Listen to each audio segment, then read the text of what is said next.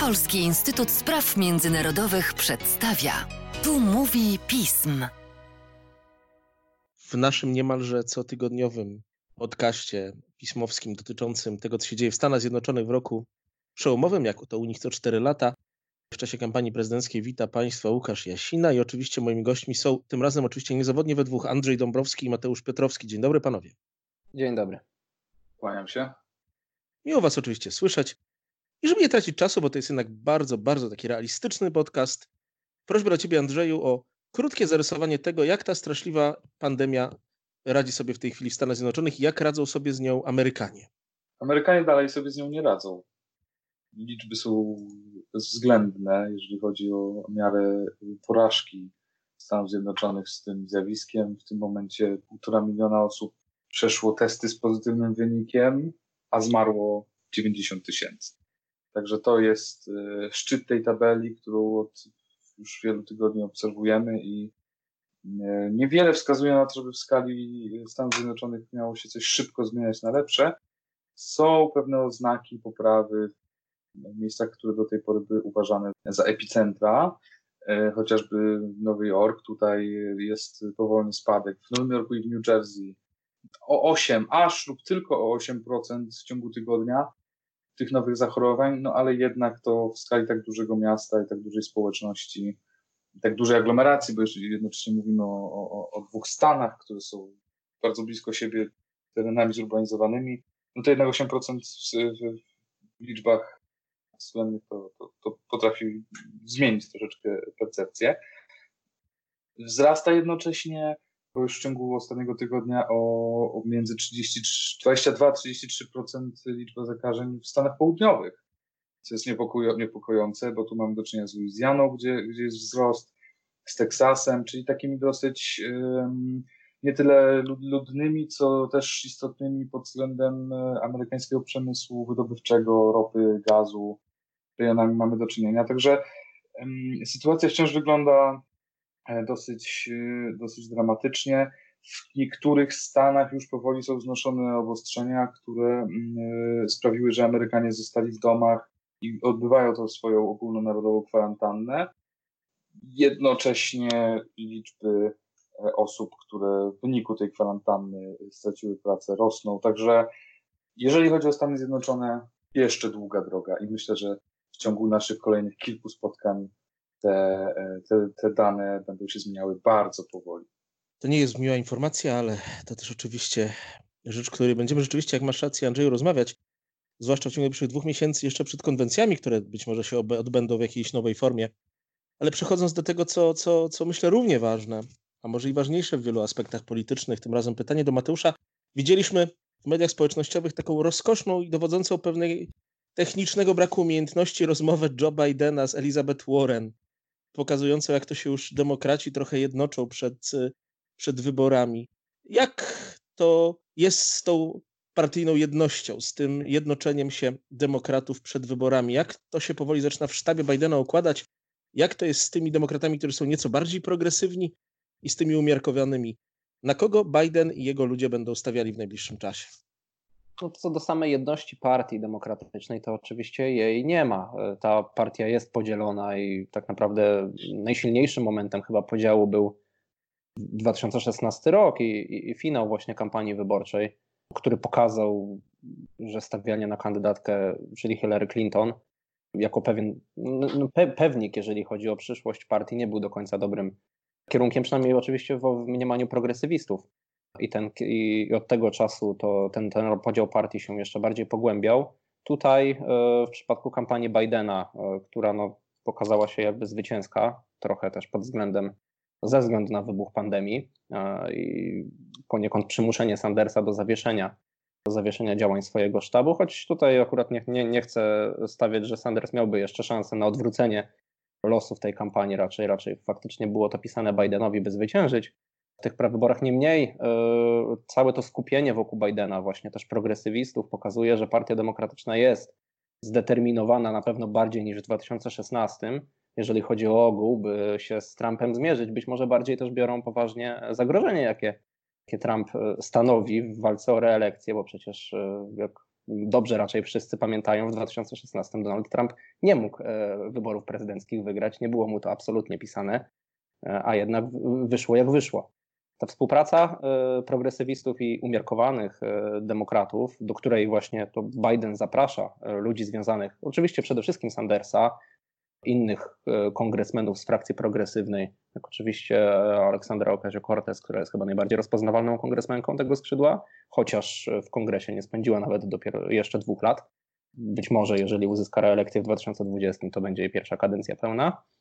Poza tym są ludzie ze sztabów tych, ludzi, e, tych polityków, którzy się z frakcją progresywną e, identyfikują i to oni są włączani w działania, w działaniu sztabu Bidena, więc to jest też na takim poziomie eksperckim, a nie tylko wizerunkowym e, prowadzone są te działania, ale głównie raczej, bo podejrzewam, że to interesuje naszych słuchaczy, w mniejszym stopniu dotyczy to polityki zagranicznej, a bardziej kwestii wewnętrznych. Reformy prawa karnego, e, tworzenia miejsc pracy w Stanach Zjednoczonych, e, opieki społecznej, służby zdrowia oczywiście. Szczególnie istotny temat właśnie w dobie pandemii. To, co ewentualnie ma przełożenie na politykę międzynarodową, to będą kwestie polityki klimatycznej. Tutaj się na czele właśnie tego zespołu roboczego spotka już wspomniana Ocasio-Cortez z byłym sekretarzem stanu Johnem Kerry, także to, to jest, zresztą temu zespołowi akurat największą uwagę po, poświęcają media, nie bez przyczyny.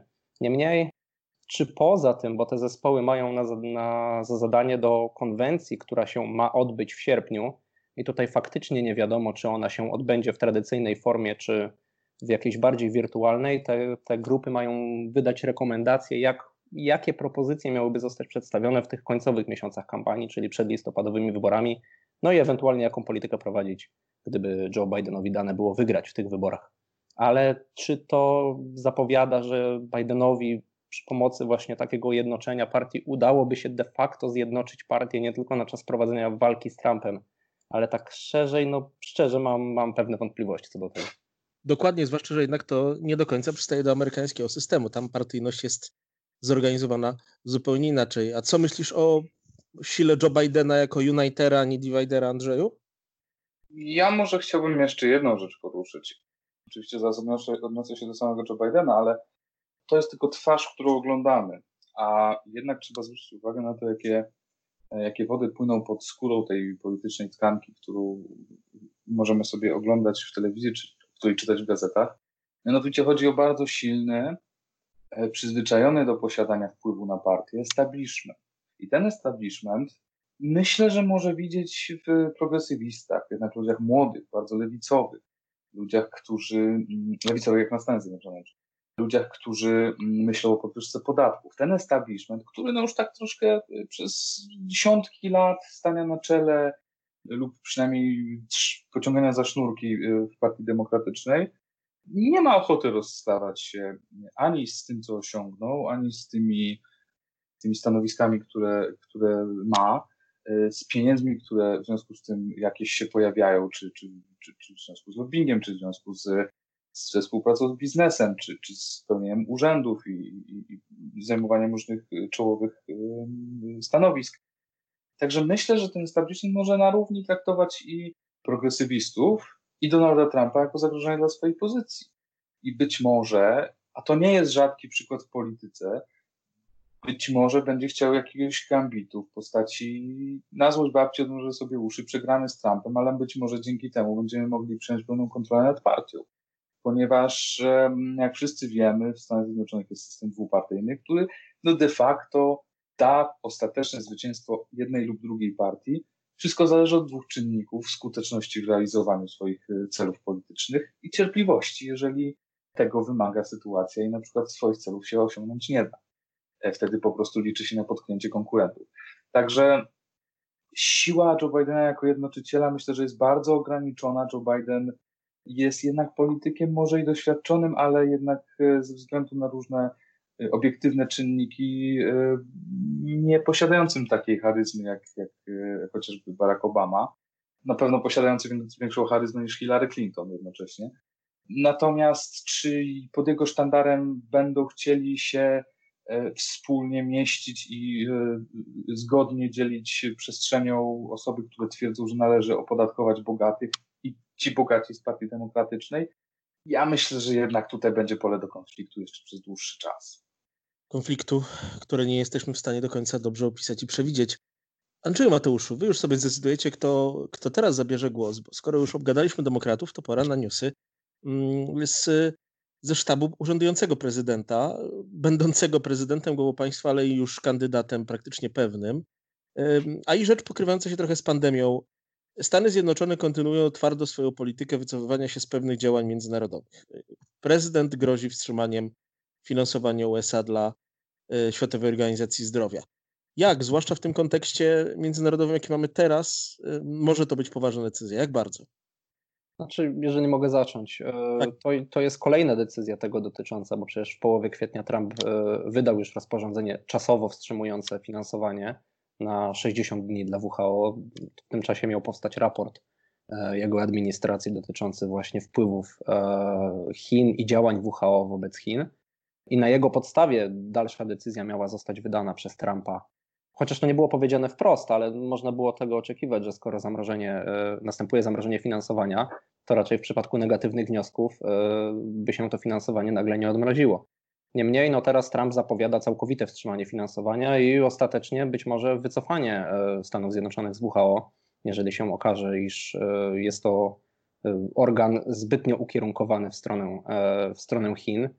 To jest zarówno poniekąd taki element polityki, chociaż on akurat jest teraz wyjątkowo sprzężony z przebiegiem pandemii i antychińskim nastawieniem Trumpa które się od początku roku mocno zaostrzyło, ale wpisuje się w to, co Trump robił przez poprzednie lata swojej prezydentury, czyli wycofywanie się z e, właśnie multi, multilateralnych e, takich organów, którym nie do końca można powiedzieć ufa, jednak Trump e, stawia przede wszystkim na relacje dwustronne, a nie te wielostronne fora, na których państwa się konsultują. I tutaj to się poniekąd wpisuje, ale nie, nie uważałbym tego za, za wiodący czynnik, tylko właśnie przede wszystkim przede wszystkim nastawienie wobec Chin.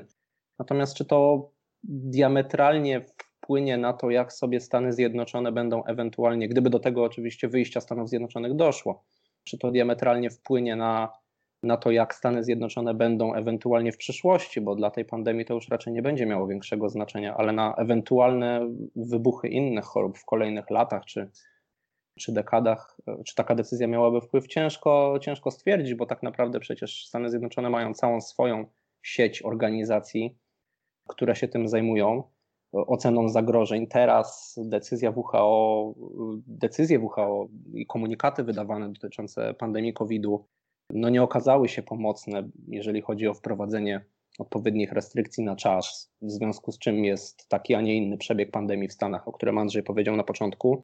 Także no, ciężko, ciężko ocenić, już z góry założyć, iż to jest decyzja negatywna e, i, i, i oczerniać tak naprawdę to, czym Trump, czym Trump grozi, bo przecież jeszcze tak naprawdę e, niczego w tym kierunku nie, nie zrobił. Andrzeju? Ja myślę, że to jest decyzja w 100% skierowana na potrzeby rynku wewnętrznego amerykańskiej polityki. Dwukrotnie Stany Zjednoczone wychodziły z UNESCO. E, za Busha i niedawno za Trumpa i UNESCO dalej jest. To znaczy, że wychodząc również oddziały finansowania.